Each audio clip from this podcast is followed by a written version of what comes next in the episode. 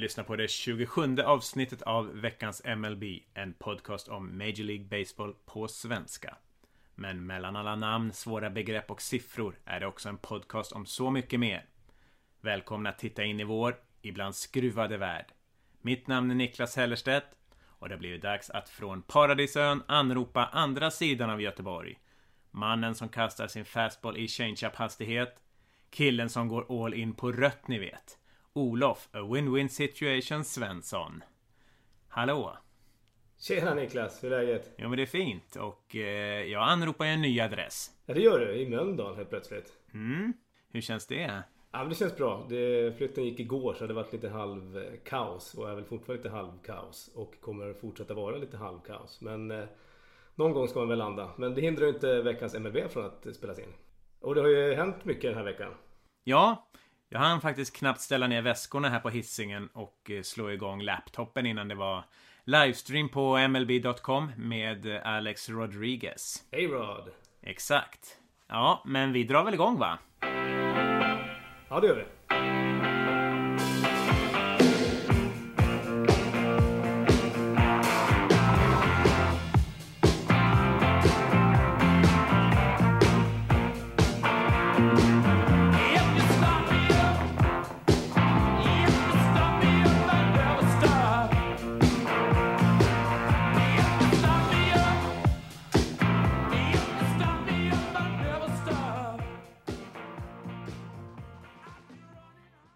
Men vi startar väl där med A-Rod som efter 22 år väljer att lägga slagträet och handsken på hyllan. Ja, och eh, pillerburken kanske. Ja, det med. Mitt under säsongen. Han spelar ju sin sista match nu mellan natten mellan eh, fredag och lördag ju. Ja. Vi kanske ska börja med en snabb liten faktaruta om Alex Rodriguez. Alla kanske inte riktigt är superinformerade om vem det är. Så att, eh, ja, vem är han? Varför är han hatad? Och eh, ja, lite mer. Yes. Ja, alltså det här är ju ingen dussinlirare som alla nog förstår. För att eh, lyssna på de här siffrorna. Lyssnar du verkligen nu? Nej, helt plötsligt så har jag slutat lyssna. Ja, man vet ju aldrig. Nej, okej. Nej, men han har alltså 297 i batting average, 696 homeruns. Det är väl en fjärde plats på all time homerun list. Är väl 18 eller något sånt bakom Babe Ruth som har tredjeplatsen. Och sen så har han över 2000 RBIs, över 2000 runs och över 3000 hits. Och har blivit uttagen i All-Star-laget 14 gånger. Fått 10 Silver Slugger Awards. Ja, just det. Det har vi nämnt tidigare att det är för bästa offensiva spelare på sin position då. Just det. Och det är dessutom två Gold Glove Awards. Ja, som är samma sak fast för bästa defensiva spelare på positionen.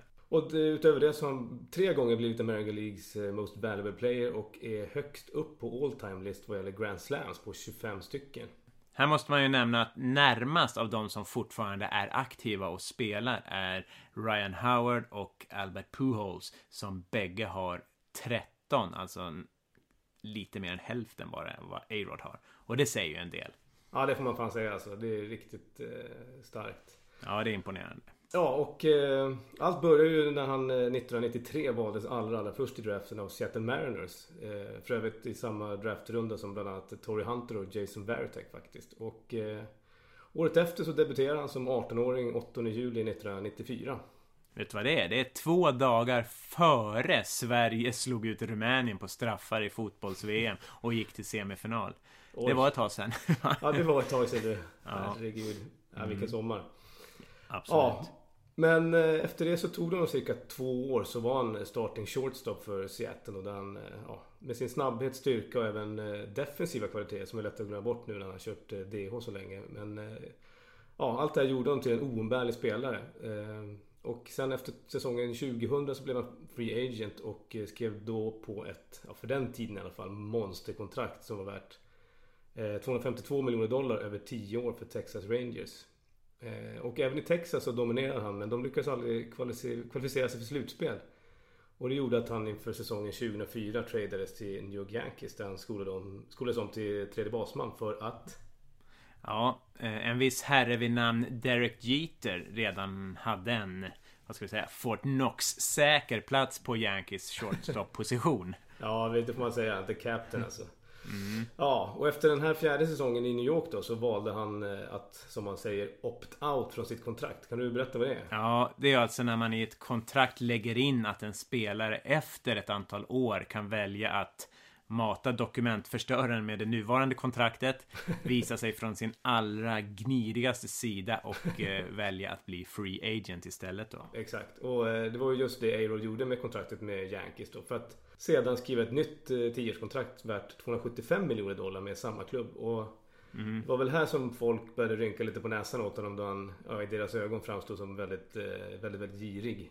Mm. Eh, och efter det så inträffade ju det som nog tyvärr kommer att bli det som definierar hans karriär. För att under en intervju med Katie Couric i CBS 60 Minutes 2007 så nekade ju Aerod bestämt att han hade använt eh, PED, alltså Performance Enhancing Drugs. Men två år senare så erkände han att eh, mellan åren 2001 och 2003 Ja det är när han spelade i Texas då Mm, exakt. Så använde han steroider för att det var, så, det var ett sånt oerhört tryck på honom att han skulle leverera. Och det var ju Eirod och 103 andra spelare, bland annat eh, Red Sox David Ortiz. Big Papi. Ja, som åkte fast i ett eh, dopingtest. Eh, men grejen var att den här listan skulle egentligen varit konferentiell enligt en överenskommelse mellan MLB och spelarfacket.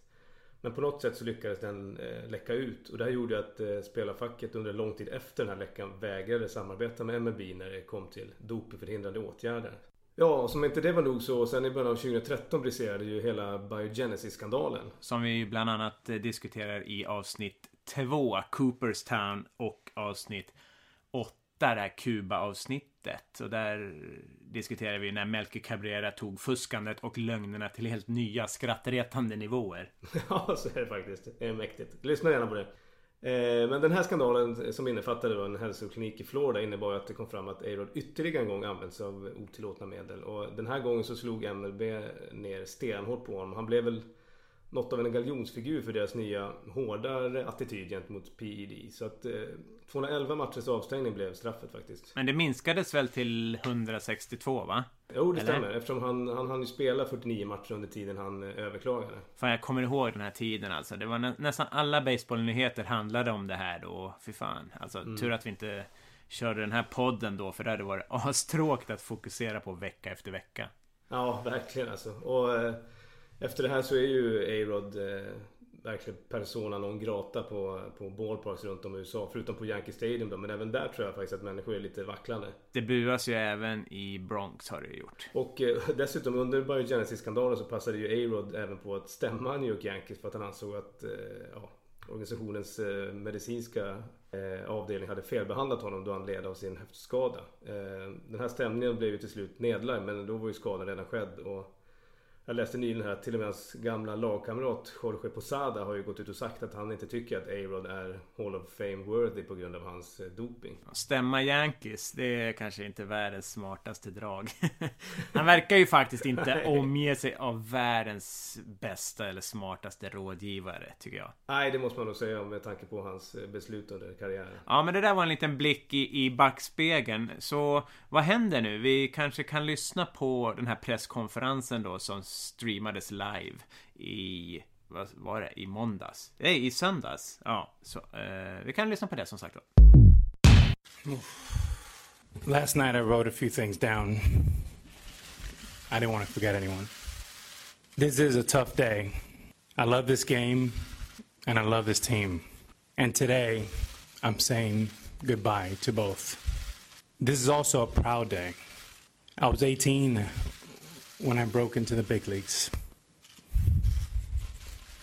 I never thought I can play for 22 years. At 18, I just wanted to make the team.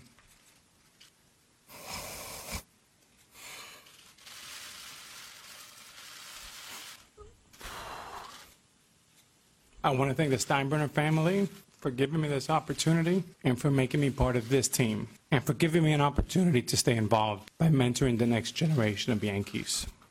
No athlete ever ends his career or her career the way you want to. We all want to keep playing forever, but it doesn't work that way. Accepting the end gracefully is part of being a professional athlete. Saying goodbye may be the hardest part of the job, but that's what I'm doing today. I want to thank mom, who's watching at home, and my daughters.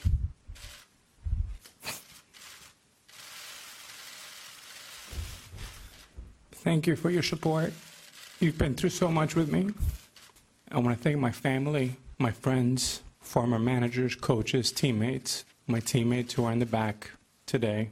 I want to thank Commissioner Manford for your support, and I especially want to thank the fans for letting me play the game that I love. Thank you. Han säger att han har fått möjligheten att fortfarande vara involved. Vad betyder det? Ja, eh, till att börja med kanske vi ska nämna att, att eh, jag läste att det var, det var Yankee som eh, approachade A-Rod och sa att de tänkte releasa honom. Vilket jag antar var menat som en ja, snygg gest så att A-Rod fick chansen att pensionera sig på ett eh, bra sätt istället för att kastas ut på gatan. Ja, på gatan och gatan. Han får ju resterande del av de 20 miljoner dollar klubben är skyldig honom för den här säsongen samt hela de 20 miljoner han skulle fått i lön nästa säsong ju. Ja, nej han blir inte fattig på kuppen direkt. Nej, men det som är bra i och för sig för Yankees är ju att han kommer ju inte ingå i den payrollen som eh, reglerar eh, lönetaksnivån. Utan Ja, han blir ju... Eh, ja, han kommer ju vara involverad på andra sätt. Så att där kommer ju Yankees tjäna på det. Men eh, nu gör han alltså som vi sa tidigare sin sista match i natt då och eh, ska sen funka som någon typ av special advisor. Men eh, ja, det blir väl lite vad det blir. Efter den här matchen då så kommer han att åka hem till Miami. Och ganska nära Miami i Tampa har ju Yankees ett farmalag där bland annat nya stjärnskottet är prospect Glaber Torres finns. Just det. Och Gleyber kommer till Yankees från Cubs i och med Aroldis Chapman-dealen i slutet av juli. Men vi får se om hela A-Rod-historien slutar här verkligen. Om det är goodbye forever menar du eller? Precis. Det kan ju finnas någon klubb där ute som är intresserad av hans tjänster fortfarande. Ja, alltså komma in från bänken och typ slå en homerun då och då eller vad? Hur tänker du? Varför inte? Rätt mycket PR i en sån grej. Och om man skulle slå 400 till och nå 700 och verkligen om man skulle nå eh, Babe Ruth där på tredjeplatsen. Ja, ja, vi får väl se vad som hände nu på fredag, idag, när det här avsnittet släpps alltså. Så är det i alla fall sagt att det ska bli A-Rods stora avskedsföreställning på Yankee Stadium. Biljettpriserna femdubblades ju på ett par minuter efter presskonferensen. Ska du sitta upp och kolla? Ja men så, så får det nog bli. Det tror jag. Du då? Ja, men det tror jag. Jag försöker ihärdigt här hålla i min USA-tid den här veckan för att kunna se så mycket baseball och OS som möjligt. Bra där alltså. Hörde du att eh, publiken i Boston, de allra största A-Rod-hatarna får man nästan säga. Eh, han höll ju på att hamna i Red Sox 2004. Eh, ropade We want A-Rod i tisdags när han satt på bänken. Alla, även Red Sox-fansen, verkar ju faktiskt vilja se honom slå den här sista homerunnen eller vad det är de, de vill se. Men Alex Rodriguez är ju inte ensam om att kliva av Yankees-tåget. Även Mark Teixeira, en av mina favoritspelare, lägger av efter säsongen. Han skulle ha blivit free agent, men lägger nu av efter 14 säsonger alltså. Ja, och det var en eh, märkbart tagen till Shearer som meddelade sin pensionering för några dagar sedan. En, eh, han har ju alltid varit en habil första basman som även hade skills med battet får man säga. Men tyvärr de senaste åren så har det varit väldigt upp och ner och framförallt eh, har han varit väldigt, eh, väldigt skadebenägen. Så här sa han bland annat på presskonferensen. Efter 14 år är det dags att göra något annat. Jag gav er allt jag hade. Det var inte tillräckligt ibland, men jag gjorde alltid mitt bästa. Jag är stolt över att ha en World Series-ring med Yankees. Ja, eh, för de här bägge spelarna hade ju en stor del i Yankees senaste World Series-titel 2009. A-Rod slog eh, det året 30 homeruns och hade ett eh, OPS på 934 och en Wins above replacement på 3,9. Och Teixeira slog eh, 39 homeruns. Hade ett OPS på 948 och en WAR då, Wins above replacement på 5,1. Så att eh, nu är det väl bara Brett Gardner och Karsten Charles, alltså CC Sabathia, som är kvar från 2009 års roster va? Ja, men det stämmer bra det. Vi kan väl nu konstatera att en era är över. Och det här kanske är slutet på Yankees ganska omvälvande och eh, turboboostade rebuild. Ja, vi får se om det inte kommer någon epilog här i form av eh, catchen Brian McCann som nog eh, hänger lite lös sedan Yankees kallat upp eh, Gary Sanchez som dessutom gjort det ganska bra nu när han fått chansen. Ja, Yankees har tre catchers ju, då man även har Austin Romine på rosten. Mm.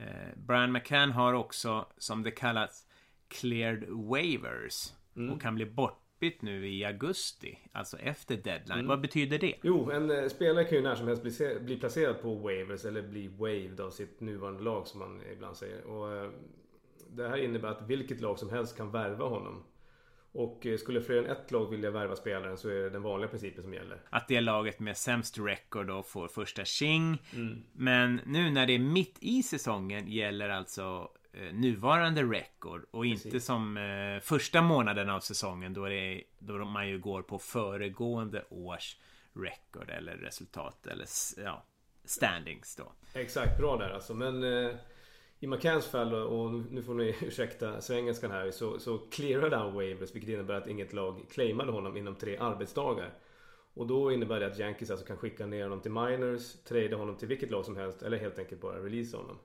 Och en av anledningarna till att inget lag då var särskilt intresserad av McCann var att det återstod 34 miljoner dollar av hans femåriga kontrakt. Som, ja, jag tror att det var på 85 miljoner totalt då, men det återstår 34 miljoner. Ja, Och eh, som dessutom ger McCann en option på ytterligare ett år värt 15 miljoner dollar. Ja, alltså vi får se vad Yankees i slutändan gör. McCann har ju en så kallad full no trade clause vilket innebär att han kan ju vägra att bli tradad till ett lag som inte han tycker passar honom. Just det. Men eh, oavsett så kommer det kosta Yankees en hel del dollares att bli av med McCann. Mm. Det ryktas ju lite om att McCanns gamla klubb eh, Atlanta Braves kan vara intresserade av honom. För att ha McCann lite som en pappa i laget. Eh, men de kommer ju aldrig att betala hela det här kontraktet. Så vi får väl se. Hur som helst tror jag att Yankees kommer att vara tillbaka riktigt starka redan 2017. Ja, och eh, här ser man ju verk- verkligen vad, vilken fördel en stor klubb har. För att liksom, när andra mindre lag behöver två till tre år på sig för sin rebuild så kanske det räcker för Yankees med två månader plus att ja, ha en riktigt aktiv off-season på spelarmarknaden för att, för att vara tillbaka igen. Ja, så är det. Och något som publiken i New York ju kräver. Alltså, Ja. det kommer att bli ett ungt och spännande lag redan 2017 som jag tror verkligen kommer vara med och fightas. The Bronx Baby Bombers. Jag skulle bara vilja inflika en liten grej till. Eh, Har du tänkt på det? Att efter i år kommer fyra spelare ha lagt av. Alex, alltså A-Rod Rodriguez, Mark Teixeira, eh, David Ortiz, alltså Big Papi och eh, Prince Fielder som ju lägger av på grund av nackskada. Ja, jag läste det. Det är trist som fasiken alltså. Och, eh, men såg du att han kommer att sluta på eh, exakt 319 homeruns eh, som hans far gjorde? Den om möjligt ännu lite mer mysigt korpulente pappa Cecil Fielder. Exakt. Ja, ja men dessa fyra eh, har i alla fall tillsammans slagit nästan 2000 homeruns. Alltså stora spelare som verkligen har satt avtryck i Major League de senaste åren, eller senaste decenniet. Eh, profiler som verkligen kommer bli saknade. Sen har vi så äntligen fått en ny medlem i 3000 hitsklubben. Yes. Ichiro Suzuki, 42 år ung. Ja, han blev ju den 30 spelaren in i den klubben nu när han slog en triple mot eh, Colorado Rockies i söndags. Eh, Och Ichiro han debuterade ju inte i Major League förrän han var 27 år gammal och var väl egentligen den första japanska positionsspelaren. Alltså att man inte är pitcher, kan man säga. Ja, exakt. Och eh, som gjorde ett rejält avtryck i USA. Ja, han kom ju egentligen till Seattle Mariners när han redan var på topp. Eh, Och första året vann han både Rookie of the Year och MVP, alltså Most Valuable Player, när Seattle vann helt sjuka 116 matcher. Oj, herregud. Ja, första tio åren så blev han ju uttagen i All-Star-laget alla år och vann en Gold Glove samtliga år. Men de fem senaste åren så har han ju bleknat lite grann, inte så konstigt med tanke på hans ålder då. Men eh, efter Seattle så spelade han tre år i Yankees innan han slutligen hamnade i Miami Marlins där han nu spelar. Ja, eller då och då får man väl säga. Han används väl mest som eh, pinch hitter nu. Ja, exakt. Eh, kan- du förklara vad en pinch hitter är förresten? Ja, det är kort och gott en avbytare då. Och eh, som byts in när det är dags att slå. Om bytet skulle ske när spelaren redan har kommit ut på bas, alltså när man är en baslöpare, så kallas den inbytte spelaren för en pinch runner. Men tillbaka till Ichiro. Vet du förresten vem som är den näst senaste spelaren in i 3000 hits-klubben? En spelare som vi har pratat lite om idag och som också debuterade i Seattle Mariners. Ja, det måste ju såklart vara A-Rod va? Ja, det var väl inte världens svåraste fråga. Nej. Han gjorde det med en homerun faktiskt för drygt ett år sedan. Mm. Eh, Men till skillnad från A-Rod har Ichiro inga planer på att pensionera sig på länge än. Nej, jag läste det. Han vill väl fortsätta spela tills han är 50 bast. Ja. ja, ska vi avsluta med att lyssna på hur det lät när Ichiro klev in i klubben? det tycker jag att vi gör. Ja, och i dessa Pokémon Go-tider kan vi ju göra det på japanska. Ja, konnichiwa. 大きな当たりだ伸びる伸びて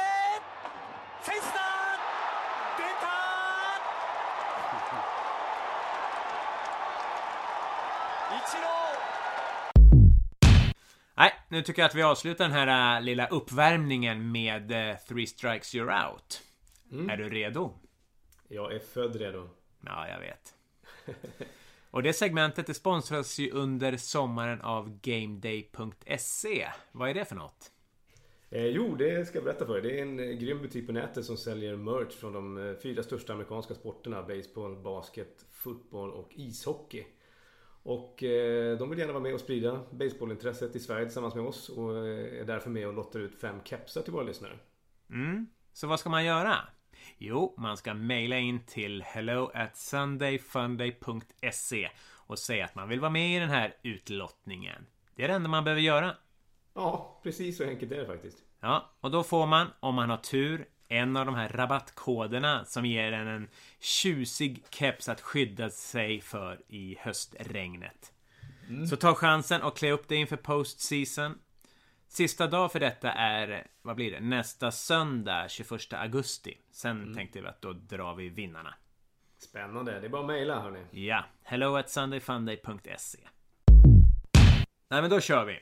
A-Rods avskedsföreställning blir en del av Yankees legendhelg som kommer vara den här helgen. Och då kommer man även hylla Derek Jeter och Mariano Rivera och eh, hela World Series-laget som vann, som blev World Champions 2009, kommer vara på plats där i Bronx. Mäktigt. Så därför tänkte jag att vi skulle prata lite om en annan Yankees-legend, nämligen tyvärr bortgångne Joe Berra. Yes. Det är en man som har sagt mycket och ibland har det blivit fel eller det kanske är helt rätt. Han kanske är smartare än oss alla. Eh, här kommer tre citat i alla fall. Yogiismer som de kallas. Som jag skulle vilja att du sätter betyg på. Från 1 till 10. Shoot. Ja, och jag eh, har översatt dem till svenska så får vi se hur det känns. Mm. Baseball är 90% psykiskt och den andra hälften är fysisk. Va? Ja, inget mattegeni. Eller så spelar han för 180%. ja, så kan det vara. Så kan det det är vara. sant. Ja. ja, vad har du för Eh, betyg? Ja, det får en eh, åtta- 8,5. Oh, ja. Oj, oj, oj. Den kan vara en vinnare då. Ja, Vi får se. Här kommer Yogiism 2. Framtiden är inte vad den har varit. Va? Den är tung. Ja, det är lite... Va? Hur fan, man blir helt mindblown alltså. Va? Hur ska jag kunna fortsätta efter det där alltså? Ja, herregud. Ja, men det får bli en... eh, Får jag höra den en gång till bara? Snabbt. Framtiden är inte vad den har varit. Ja, det får bli en nia. Ja, den är, den är bra. Mm. Ja. Okej. Då kör vi Yogiism 3. Jag sa aldrig de flesta av de saker jag sa. Va? Det är också... Också, också väldigt, väldigt bra alltså. Men Ja, den får en åtta. den får en åtta. Ja. Okej. Enligt dig är alltså den bästa yogiismen och veckans vinnare Framtiden är inte vad den har varit. That's all there is to the game, dear. If you cheat, the umpire throws you out. You cheated and you lied, you were never satisfied. You made three strikes and now you're out. Oh, ja. Och OS håller ju på. Ja, det kan väl ingen ha missat va? I Rio de Janeiro. Konstigt nog de första olympiska spelen i Sydamerika läste jag. Och eh, ja, har du något speciellt som du minns av det som har hänt hittills? Ja, förutom Sara Sjöström som jag har varit uppe och kollat lite på. Fattar att hon bara är 22 år. Alltså hon är har ju varit med hur länge som helst känns det som. Ja. Eh, men hon var alltså precis född då när A-Rod debuterade i Mariners. Åh oh, jäklar. Utöver Sara får det nog bli Baltimore-sonen som vi faktiskt nämnde i förra avsnittet. Michael Phelps. Just det. Han har alltså 21 OS-guld nu. Det är väl ungefär vad hela Sverige kammar hem på typ 10 olympiska spel. För dig då? Ja, det får nog bli kraschen i damernas linjelopp där. Ja, Silveremma såklart vann silver men eh, något av det värsta jag sett. Man kan nog inte se mer död ut än vad holländskan gjorde där och då. Jag fick ett meddelande av dig under loppet där och det stod ju kort och gott här. Dog hon? Frågetecken. Ja, det såg så ut faktiskt. Men som tur var så klarade hon sig undan ganska hyfsat. Ja, ja, det såg riktigt illa ut faktiskt. Det var inte kul att kolla klart på det loppet. Men även vi fick ju smaka på lite OS-känsla när vi under vår sista dag på vår baseballresa i april gjorde en liten rundtur i centrala Los Angeles. Yes, det fick vi ja. Då vi tog en sväng förbi Los Angeles Memorial Coliseum. The Grand Old Lady. Plats för OS både 1932 och 1984. Eh, låt oss lyssna hur det lät då. Ja, nu är vi utanför Los Angeles Memorial Coliseum här. Ja, Men där i facklan där, landade flygande mannen och tände den där uppe eller hur var det?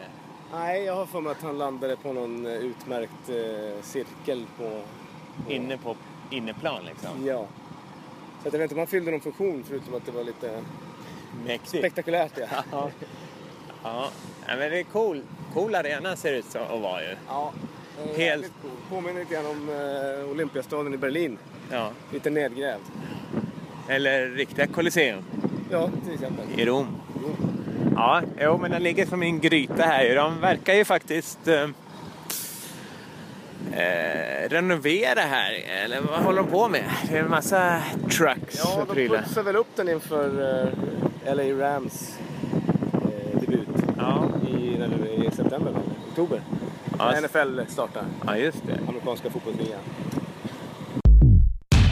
Ja, det starkaste minnet från OS 1984 var ju kanske inte Carl Lewis fyra OS-guld eller eh, Griffith Joyners groteska naglar och mustasch utan det var nog den där flygande mannen som vi kallar honom. Ja, precis. Jetman eller Rocketman Bill Suter som via någon form av raketkonstruktion flög ner från toppen av stadion och landade i en ganska liten cirkel. En landning som han verkligen nailade måste man säga. Suter själv fick 1000 dollar för uppdraget och hade bensin för 30 sekunder så det fanns inte mycket tid att göra fel. Nej, nej, det var kort och gott mäktigt. Vi kan väl även lyssna på det lite kort från den amerikanska sändningen. Well, there he is, Jetman, flying into the stadium. No wires, no tricks. It's just as you see it. His belt will burn 40 pounds of fuel in 20 seconds. Bill Suter of Youngstown, New York. Oh, 38-year-old Rocket Man. what a beginning. Ja, ett härligt klipp från en Ronald Reagansk PR-triumf. Ja, det må jag verkligen säga. Här skulle ju USA visa vad skåpet skulle stå efter Moskva-OS 1980. Ja. Ja. Som avslutning får vi väl ändå nämna, även fast det inte är baseballrelaterat, att årets Hard Knocks, alltså HBOs grymma reality-dokumentär om ett NFL-lag på deras försäsongsträning, det här året handlar om Los Angeles Rams, som vi nämner i det här klippet. Ja, det ska bli riktigt kul att följa. LA har ju äntligen fått eh, tillbaka ett NFL-lag igen efter några år av torka och eh, den här gången kommer franchisen faktiskt från St. Louis. Dit den kom just från Los Angeles 1995.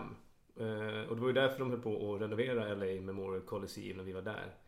För den kommer bli Rams eh, hemmaarena de närmsta tre åren innan de permanent flyttar till Inglewood Stadium eller City of Champions Stadium som arbetsnamnet verkar vara nu i Inglewood cirka jag tror det är 5 km från LAX, alltså flygplatsen.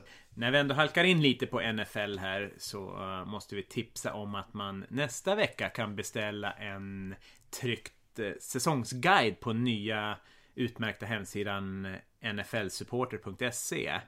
Eh, jag gjorde det förra året och den hjälpte mig verkligen att lära mig mycket mer och komma in i NFL på ett jättebra sätt. Ja, du har ju sett den hemma hos mig. Ja, det har jag gjort och bläddrat i den. Det är ett kanonmagasin. Ja, den har ju legat på vardagsrumsbordet sedan jag fick den eh, förra året. Eh, och i år ska den visst vara ännu tjockare och bättre.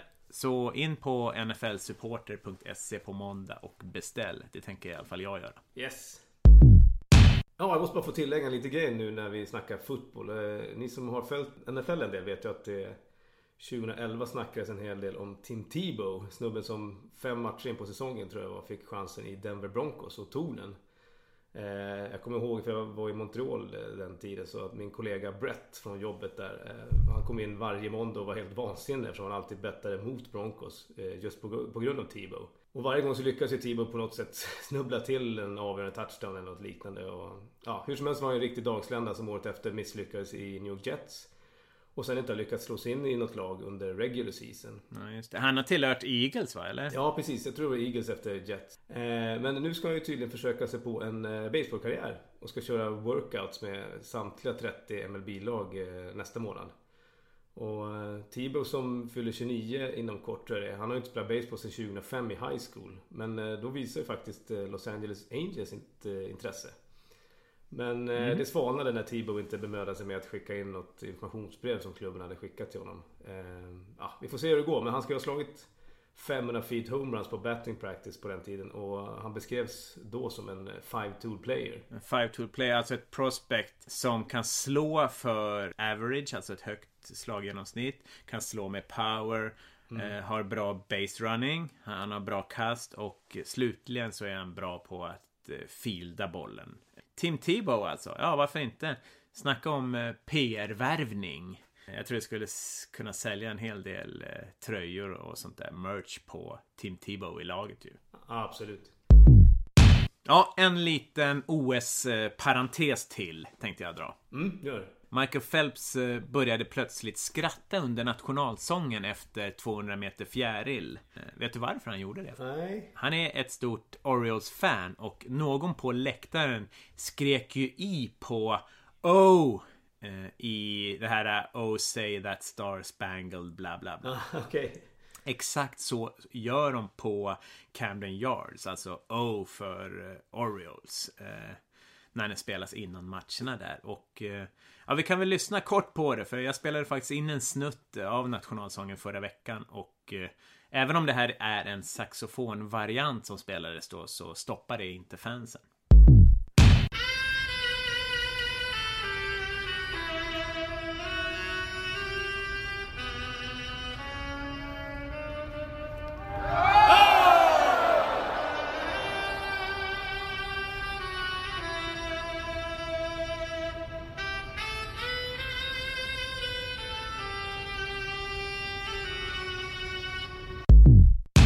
Knyta ihop OS och baseball så är det ju faktiskt som så att både baseball och softball gör comeback på OS-programmet. Ja men så är det ju. IOK tog ju bort de bägge grenarna efter OS 2008 eh, i Peking.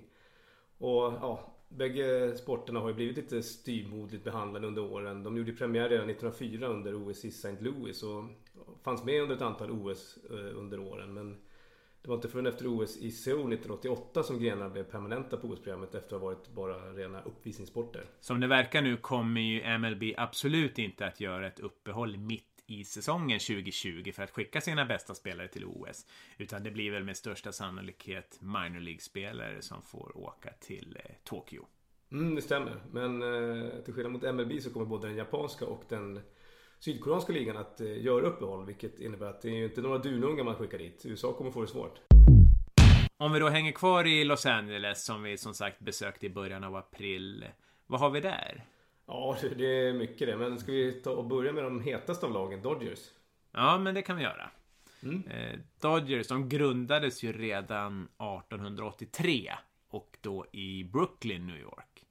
Men man hette faktiskt i början Brooklyn Robins, men bytte namn till Brooklyn Trolley Dodgers eftersom man i stadsdelen ofta fick hoppa undan, alltså dodge, för eh, streetcars, eh, spårvagnarna då som Jaha, rullade. Ja.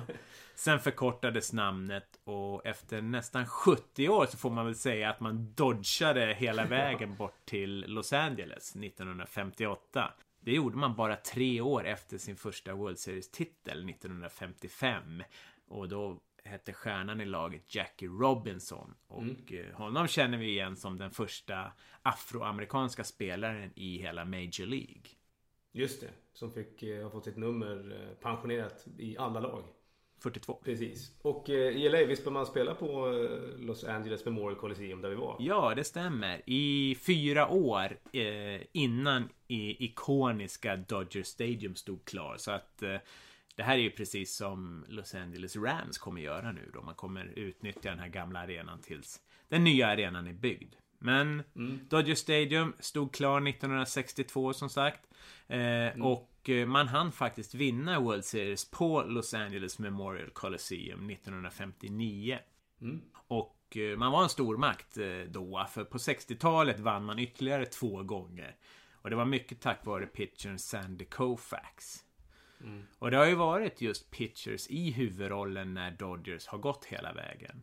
1981 så hette han Fernando Valenzuela och 1988 så var det pitchen Orel Hershiser som banade vägen för laget. Men man kan ju inte prata om World Series 1988 utan att prata om ett av de allra största ögonblicken i Major Leagues historia. Ah, Kirk Gibson. Den skadade hjälten som haltade in i första matchen. Ja, han ser ut som, som han har stelopererat varenda led från höften och neråt stackarn. Ja, ja, han kom ju in där i slutet av den nionde inningen med två outs när hans Dodgers låg under med 4-3 mot Oakland Athletics då. Och eh, det står en löpare på andra bas och eh, vad som skulle bli hans enda insats i den finalen var att han slog, kan det vara världens mest kända homerun genom tiderna? Det kan det faktiskt vara. Ja, så här lät det i alla fall 1988. Sachs waiting on deck, but the game right now is at the plate. High fly ball into right field. She is gone.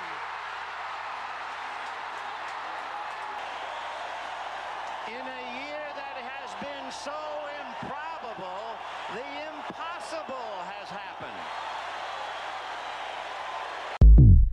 Ja, det är mäktigt alltså. Eh, men efter 1988 tog det stopp va? Trots skyhöga löner, stora stjärnor så har Los Angeles Dodgers inte lyckats vinna efter det. De har inte ens varit i World Series. Nej. Kan det vara dags i år kanske? Oj, ja, kan det vara det? Hmm, kanske. Dagens Dodgers är ett lag med både problem men också vissa ljusglimtar. Eh, Han som kallas världens bästa pitcher, Clayton Kershaw. Just det, som vi fick se vinna live på opening day mot eh, San Diego. Ja, han är ju tyvärr eh, skadad nu. Han har drabbats av diskbråck. Och är ju sedan slutet av juni på the disabled list. Eh, lite kort kan man säga att eh, The Disabled List är ett sätt att få kalla in en annan spelare i truppen under tiden en spelare är skadad. Det finns ju både en 15 dagars lista och en eh, 60 dagars lista som funkar lite olika. Men det kanske vi kan ta mer i detalj en, annan vecka va?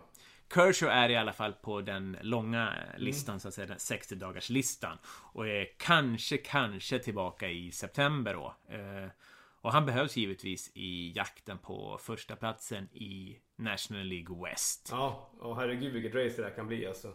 Och de här rivalerna ska ju mötas nio gånger till innan regular season är slut. Men lyssna på, på det här. Eh, om man nu tror att Clayton Kershaw är nyckeln till framgång.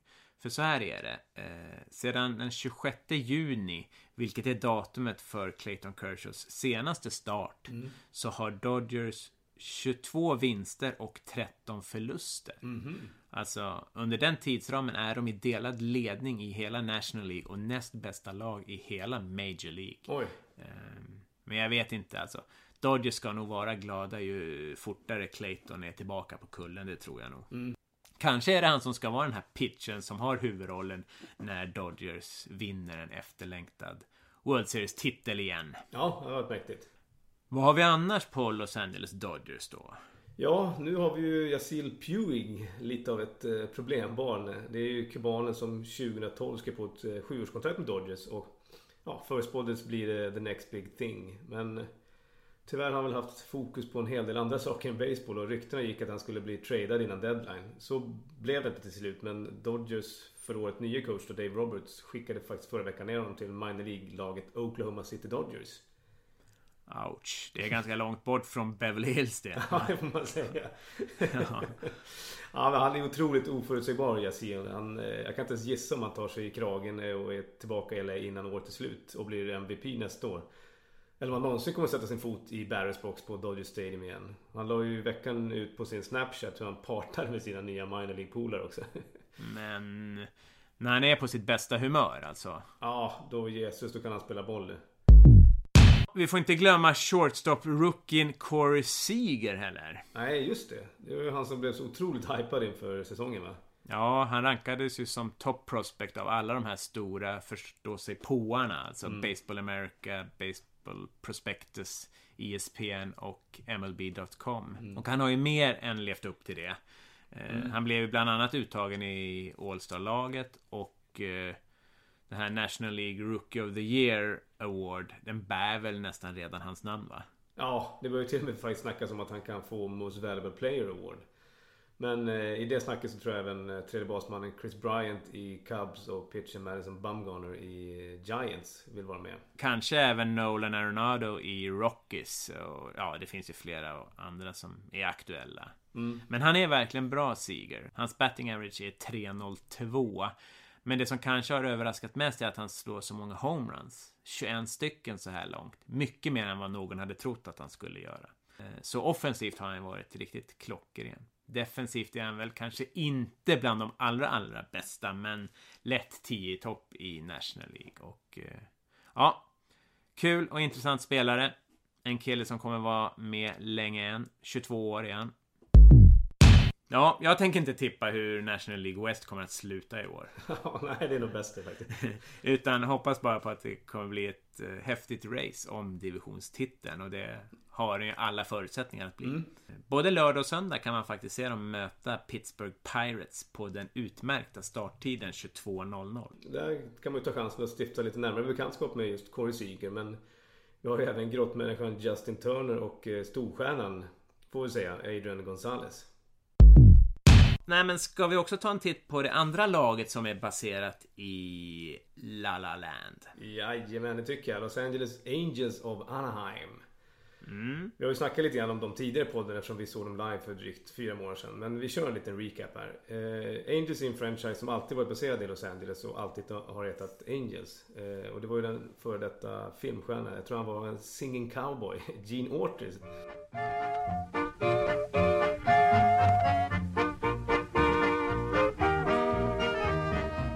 Stars at night are big and bright. Deep in the heart of Texas, the prairie sky is wide and high. Deep in the heart of Texas, the coyote Som köpte namnrättigheterna till Pacific Coast League-laget Los Angeles Angels av den förra Dodgers-ägaren faktiskt, Walter O'Malley. Som i sin tur hade köpt dem av tuggummi-kungen Phil Wrigley som då ägde Chicago Cubs. Och eh, 1961 så lyckades Orter få med Angels då i MLBs expansions tillsammans med Tillsammans med eh, Washington Senators. Yes! Som vi faktiskt har lärt oss numera är dagens eh, Texas Rangers. Ja, det kan du hoppa upp och klappa i vår lilla. Och eh, då så hamnade de i American League där de stannat till dags dato. Och 1969 så blev de placerade i sin nuvarande division, American League West. Och första året spelade de faktiskt på Wrigley Field, hette arenan. Inte i Chicago utan i LA. Och sen så lånade de Dodger Stadium i fyra år innan de parkerade på Angel Stadium of Anaheim. Vilket de fortfarande har som hemmaarena. Den älskvärda The Big A. Som har blivit lite av en favorit. Eh, och eh, ja, laget har genomgått en del eh, namnbyten faktiskt. De har hetat California Angels, Anaheim Angels och eh, Los Angeles Angels of Anaheim.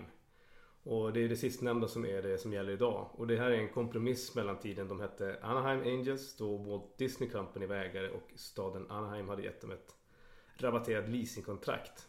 Och eh, sen då den nuvarande ägaren Arthur Moreno bytte till Los Angeles Angels eftersom det var ett mer kommersiellt gångbart namn. Då eh, lackade staden Anaheim till lite grann och stämde Moreno och till slut så la man till då av Anaheim och alla var relativt glada och nöjda. Men eh, det här är ju en franchise som har haft det ganska knapert med framgångar. Man har alltid varit eh, väldigt, väldigt nära med stupa på mållinjen när det gäller pennants till exempel. Pennant är ju när man vinner antingen American eller National League. Och man har faktiskt bara en American League Pennant 2002 när man äntligen tog sig till World Series via ett wildcard faktiskt och vann hela faderullan. Eh, Då under namnet Anaheim Angels. Men annars så är det liksom en ja, handfull divisionstitlar laget har stoltserat med. Men hur som helst, World Series 2002 var första gången sen införandet av Wildcard 1904 som två wildcard-lag möttes. Eh, Anaheim Angels och San Francisco Giants. Eh, Och så här sa vi om den drabbningen för några månader sedan i avsnitt eh, 14, My Oh My, angående överraskande segrar. En av några osannolika World Champions. Eh, Och då föll lotten på eh, Los Angeles Angels. Som vi var såg för någon månad sedan. Eh, för inför postseason, alltså slutspelet 2002. Så hade organisationen under hela sin historia, alltså drygt 50 år tror jag, tagit sig till slutspel endast tre gånger tidigare. Och eh, den senaste gången var 1986. Alltså 16 år sedan då det begav sig 2002. Eh, de tog, tog sig i och för sig dit via ett väldigt bra record på 99-63. Men det här var ju eh, samma år som Oaklands Moneyball-lag vann divisionen. Vilket jag gav att eh, då fick ju Angels ta sig dit på ett wildcard och möta det bästa laget i American League. Vilket då var New York Yankees. Så de möttes då i American League Division Series som motsvarar kvartsfinalen kan man säga. Och Yankees hade vunnit fyra raka pennants, alltså American League-titlar. Och hade vunnit fyra World Series det senaste sju åren. Så alltså, Angels var ju grymma underdogs. Men de vann med, med 3-1 och avfärdade sen Minnesota med 4-1 i ALCS, då, American League Championship Series. Så då var det dags för World Series. Och här mötte man San Francisco och eh, låg under med 2-3 i matcher hemma och 0-5 i botten 7. Just det, det var egentligen bara... Giants skulle väl bara spela av den matchen helt enkelt. De ledde ju otroligt stort då. Ja, det var, de var nio outs från, från att vinna titeln då. Men inträder då The Rally Monkey och det här är alltså ett fenomen som man kan tacka två snubbar som skötte jumbotronen eh, för. För att eh, två år tidigare när Angels låg under, också mot San Francisco faktiskt, i eh, botten 9 med 5-4 så fick de för sig att ta ett klipp från The Pet Detective som alltså är galopperande detektiven tror jag det heter på svenska. Yes. Kan det stämma? Ace Ventura. Just det. Och det här klippet föreställde då en apa som hoppade upp och ner. Och eh, det slängde de upp på, på jumbotronen och Angels gjorde två runs och, och vann matchen. Och det här blev så populärt så man eh, förfinade lite grann och, och gjorde ett eget klipp genom att ta in en kapucinapa tror jag det heter. Satte på honom en Angels-uniform och så fick han hoppa upp och ner på ett bord medan man spelade House of Pains låt Jump Around. Så att alltså i World Series Game 6, botten 7, 2-3 matcher och 0-5 kör de igång The Rally Monkey. Och vad händer? Jo, Angels gör eh, tre runs i sjunde, tre runs i åttonde, vinner Game 6 och eh, även Game 7 med 4-1. Och efter det så gick de till postseason sex gånger på, till på raken. Eh, allt tack vare The Rally Monkey, jag vet inte. Ja, kul att få höra lite om The Rally Monkey igen. Jajamän, jump around! Ja. eh, men utöver det om man är inne på, på lite historia bör man ju nämna pitchen Jim Abbott, kommer du ihåg honom? Mm, det jag faktiskt. Eh, mannen som lyckades ta sig till MLB som pitcher med en arm faktiskt. Det är helt mm. sanslöst. Han spelade ju sina inledande fyra säsonger av eh, karriären för dåvarande California Angels innan han eh, 93 blev tradad till New York. Där han faktiskt säsong två av den stinten lyckades med konststycket att kasta en no-hitter. Eh, Och jag kommer ihåg, det var rätt sjukt att se. Han hade ju handsken på sin högerarm eller stump eller vad man ska säga. Han saknade ju höger hand. Ja. Och så kastade han med vänsterarmen och så direkt efter releasen så plockade han på sig handsken på vänsterarmen för att kunna eh, fielda en eventuell eh, comebacker. Eh, och om inte det räckte så ha- hade han faktiskt på 21 at-bats, två hits och tre RBIs. är bra jobbat. ja, och bland annat då en eh, two RBI single mot Chicago Cubs under sitt sista år i Milwaukee Brewers då som av någon ja, förklarlig eller oförklarliga anledning var det enda National League-lag som värvade honom. Eh, Det är kanske lite märkligt då i National League som då har, eh, de har inte DH utan där slår ju pitchen. Är det kanske Just lite märkligt att värva en starting pitcher som, som ska slå. Men det är mycket möjligt att han var reliever då, jag vet faktiskt inte. Ja, just det. Men det var väl tur att Jim Abbott inte slogs in på en bana där han höll på och rånade och sådär för... Vet du vad han hade blivit kallad då? Nej. Den enarmade banditen. ah, det är så mäktigt. Vi är ju fan i Göteborg alltså. Det är klart. Ja, men hur ser det ut för Los Angeles, California, Anaheim, Los Angeles Angels of Anaheim Angels idag då? Va? Ja, alltså trots att de har väldigt namnkunniga spelare som Mike Trout eh, och Albert Pujols så ligger laget eh, 17 matcher bakom divisionsledarna Texas och eh, 11,5 matcher bakom i wildcard race. Och Angels har under säsongen haft väldiga problem med sin starting rotation och både Trout och Pujols var ganska trögstartade i början av säsongen innan de kom igång. De ligger nu faktiskt bägge på två på, på 21 homeruns vilket är helt okej men lite under vad man kanske kan förvänta sig av dem. Det är som Corey Seager alltså. Ja, precis. Eh, Pujols sitter inne på ett löjligt fett kontrakt som har kostat och kommer att kosta Angels massvis med pengar.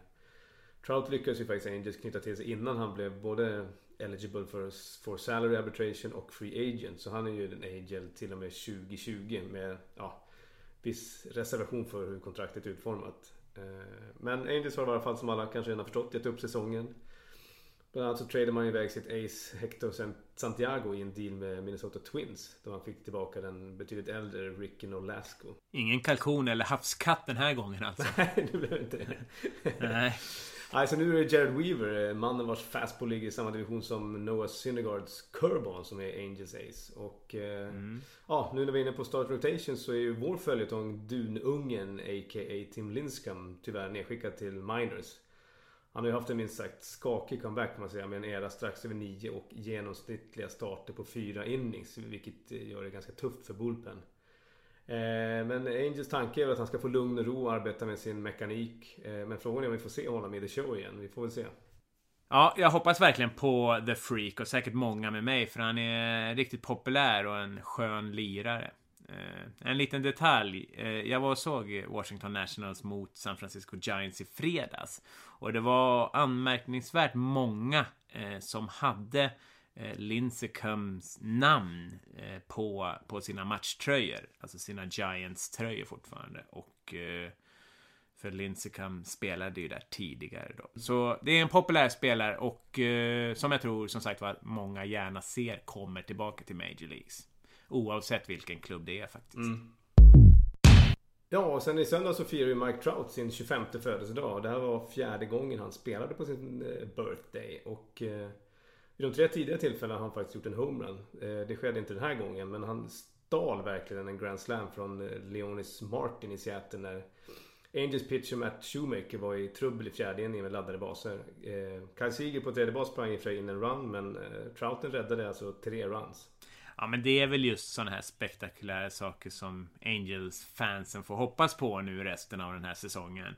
För man ligger ju sist i American League West och där kommer man ju att hamna. Så är det ju. Den saken är ju redan klar i princip. Ja, man kan säga att den saken är biff. Japp. Nej, men då tror jag det har blivit dags för det här. Hej Felix, du hade en, hade en fråga till mig? Ja, vi har ju fått in ett mail här från Anders. Och eh, han... Ja, han skriver så här. Nu är det augusti och slutspelet närmar sig. Hur är det utformat? Tack för en mycket trevlig podd. Anders. Tack Anders för frågan. Eh, Det är en mycket bra fråga. Jo, det är ju så att eh, är, vi har American League som har tre divisioner och vi har eh, National League som har tre divisioner. Och de som vinner sina divisioner går automatiskt till slutspel. Yes. Eh, Sen har vi då eh, två lucky losers i varje liga. Alltså de bästa tvåorna. Eh, Eller ja, det kan ju bli andra och tredje också faktiskt.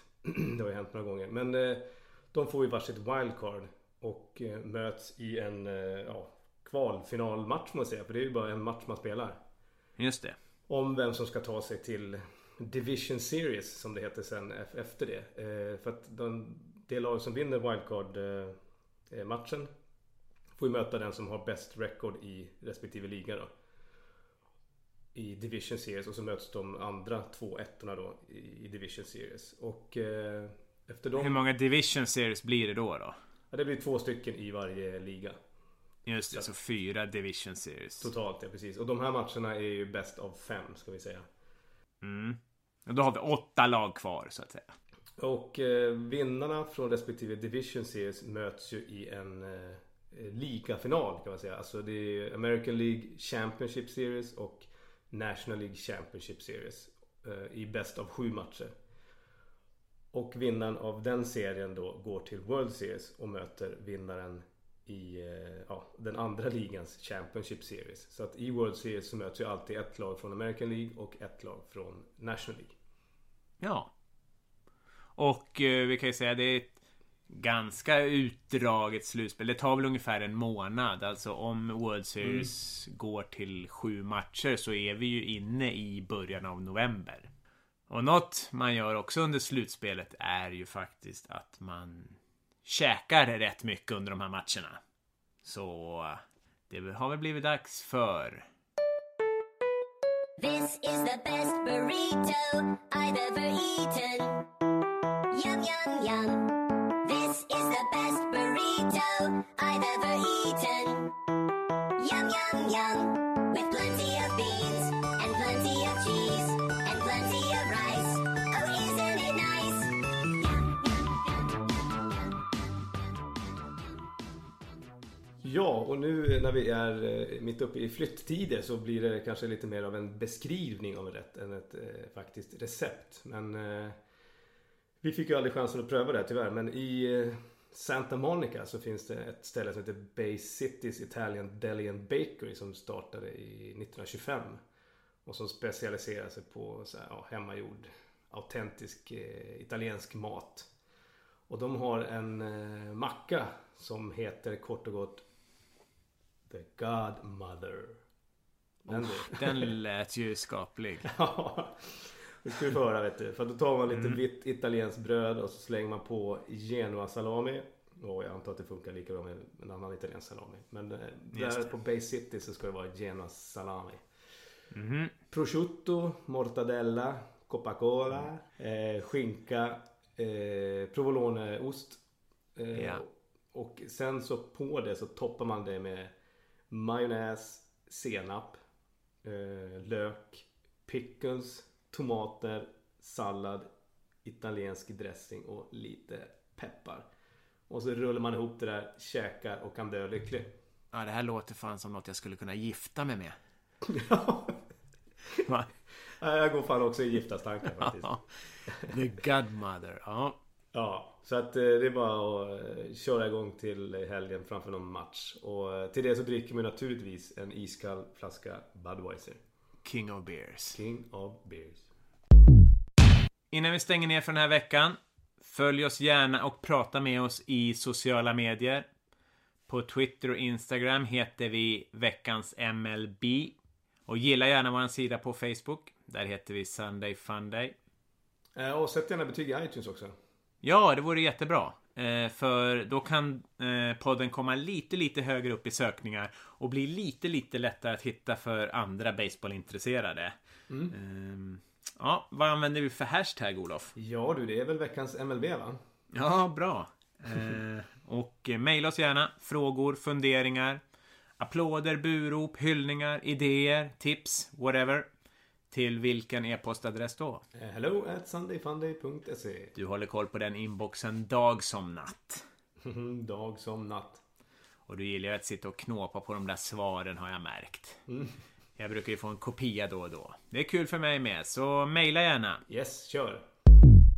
Men då kvarstår ju bara en sak. Ja, lite musik va? Och den här gången vänder vi oss till ett band som bildades bara några år efter att Dodgers kom till stan. The Beach Boys. Låten vi ska få höra spelas ofta under matcherna där i ravinen alldeles utanför downtown LA.